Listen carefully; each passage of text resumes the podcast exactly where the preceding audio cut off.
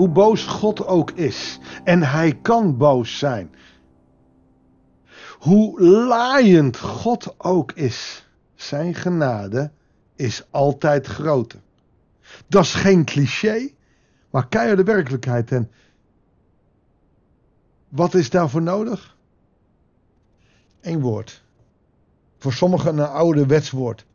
Maar misschien wel een van de belangrijkste woorden. Verootmoediging. Je realiseren dat jij fout zit. Of dat jouw familie of jouw gemeente fout zit. En dat je niet je gelijk gaat halen, maar dat je knielt en zegt: God, heb genade. Dit en dit is verkeerd. Maar vooral je eigen dingen die verkeerd zijn. Leg ze bij God. En niet zomaar omdat het kan, omdat het moet, omdat het zal. Maar omdat het van heel groot belang is. Om te kunnen leven van de genade die God je wil geven. Goeiedag, hartelijk welkom bij een nieuwe uitzending van het Bijbels Dagboek. Waarom zeg ik dat zo nadrukkelijk? Omdat ik ben gaan houden van het woord verootmoediging. En we komen het vandaag ook tegen en we zien ook hoe het gaat werken. En we gaan lezen uit 2 Koningen 22 vers 14 tot en met 20.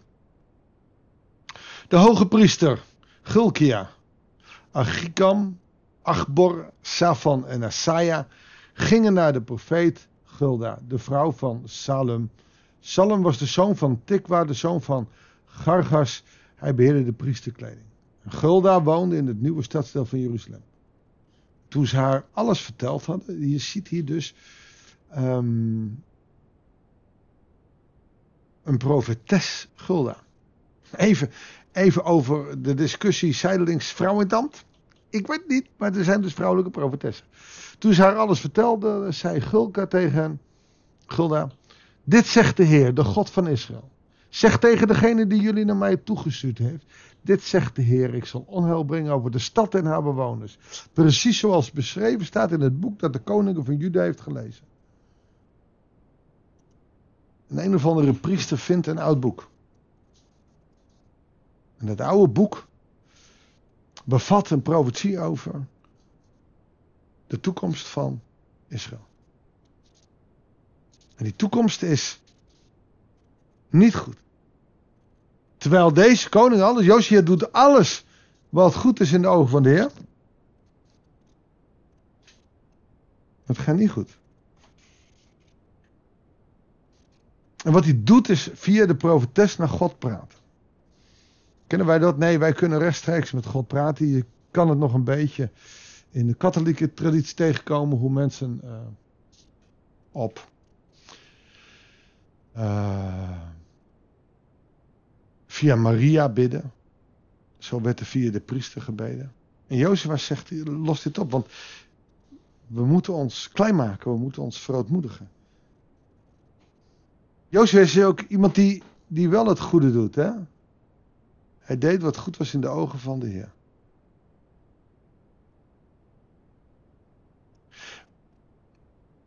Maar de Heer zegt: Ik zal onheil brengen over deze stad en haar bewoners. Zoals het beschreven staat in het boek.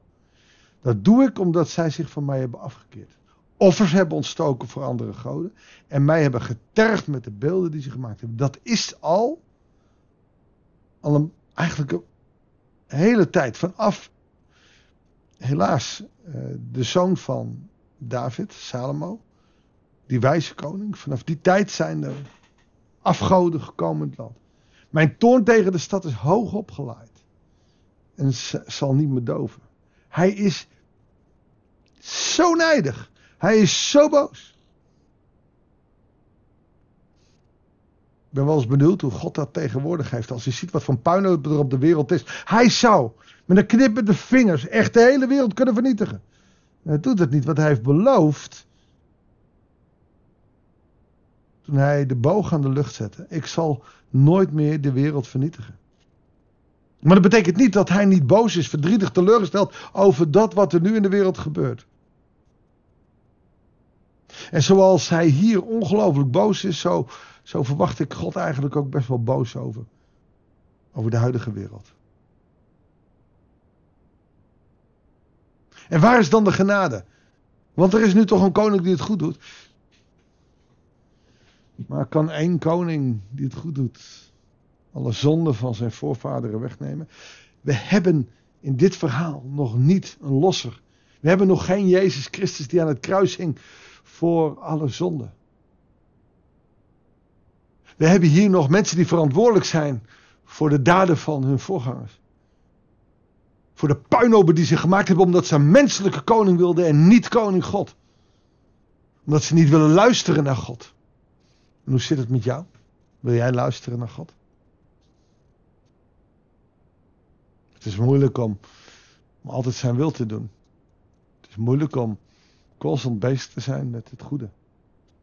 Wil jij luisteren naar God? Kan je luisteren naar God? Zal je luisteren naar God?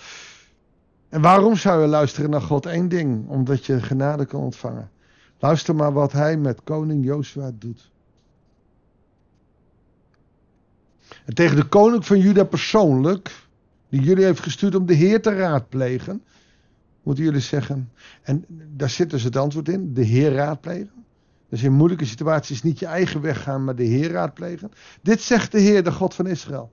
Je hebt je hart opengesteld voor de woorden die je hebt gehoord. Je hebt je hart opengesteld.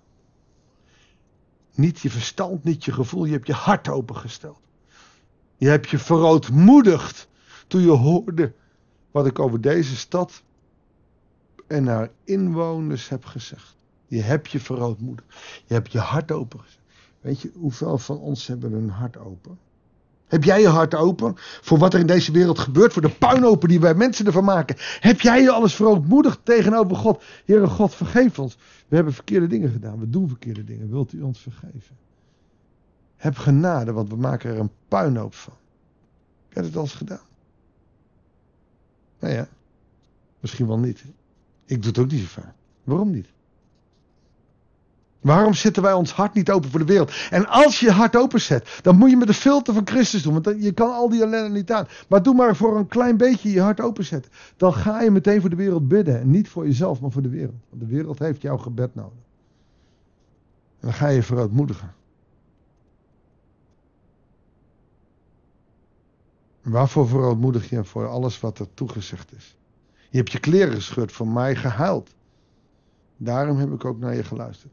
Oh ja, wanneer heb jij voor het laatst gehuild? Om de onrecht in de wereld. Niet voor je eigen, niet voor je verdriet, niet voor het gemis. Maar voor de onheil, voor de onrecht in deze wereld. Wanneer heb jij voor het laatst een reclame gezien met een kindje met een vliegje erom en werd je verdrietig? We zijn daarvoor gehard. We, we, we worden niet meer geraakt. Zie je wat er gebeurt? Waar God gevoelig voor is.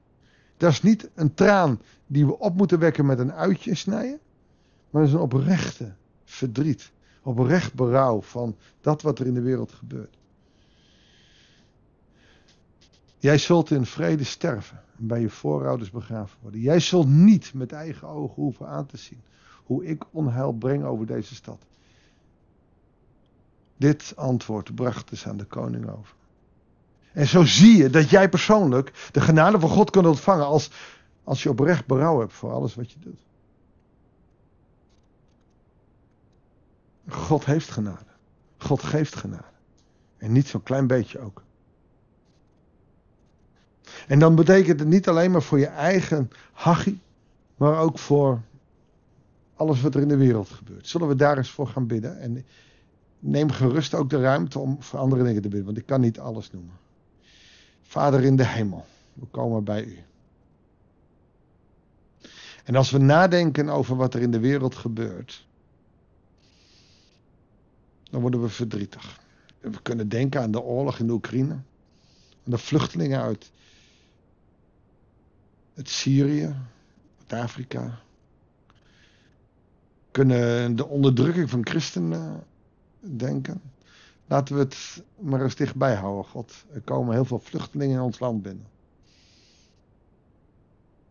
Maar nergens kunnen er opvangplaatsen komen, want wij houden ons land gesloten. Er zijn ook heel veel christenen die zeggen: genoeg is genoeg. En dit land is voor de Nederlanders, Heere God, en dit land is niet voor ons. Dit land is van u, u heeft het ons in bruikleen gegeven. We hebben niets. Als we de Bijbel moeten geloven, dan, dan is alles van u en wij mogen het gebruiken. Maar waarom willen we het dan niet delen? En ik weet wel, er zit er moeite bij. Heer, maar de, de, de verstarring en de verhardering, de verhuftering is zo groot. Vergeef ons.